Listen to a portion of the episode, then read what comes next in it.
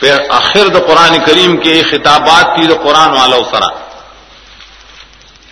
اول قرآن والا دے نبی صلی اللہ علیہ وسلم۔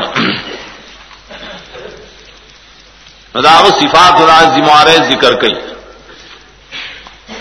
سنگ ذکر کی درے۔ یو نا تو نا کل کوسر الکوسر سر القرآن دب دنیا کی کوسر ہے۔ آخرت کے کوسر دے حوض کوسر دے اگر ددین پیدا کی۔ دلتا وہ بوس کے تو قرآن نال تب حوض کوسر نہ بوس کی۔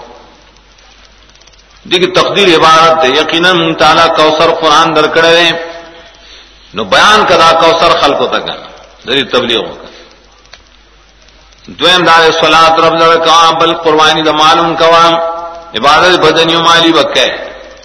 قرآن چے کین دا ٹور بند گئے اور سرک ہے نتیجے دادا شن نشان ہے کہ اللہ ترم تا سر چے سوکتا تبد گوری، تا سر دشمنی کئی۔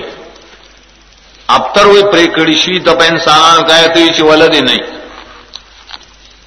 پسارو کہے تو یہ لکے نہیں، بے خیر یہاں استاد دشمن شردا بے لکے خر بمی ادب اولاد نہیں ورے استاب اولاد دی، دے وہی استا اولاد نشتا۔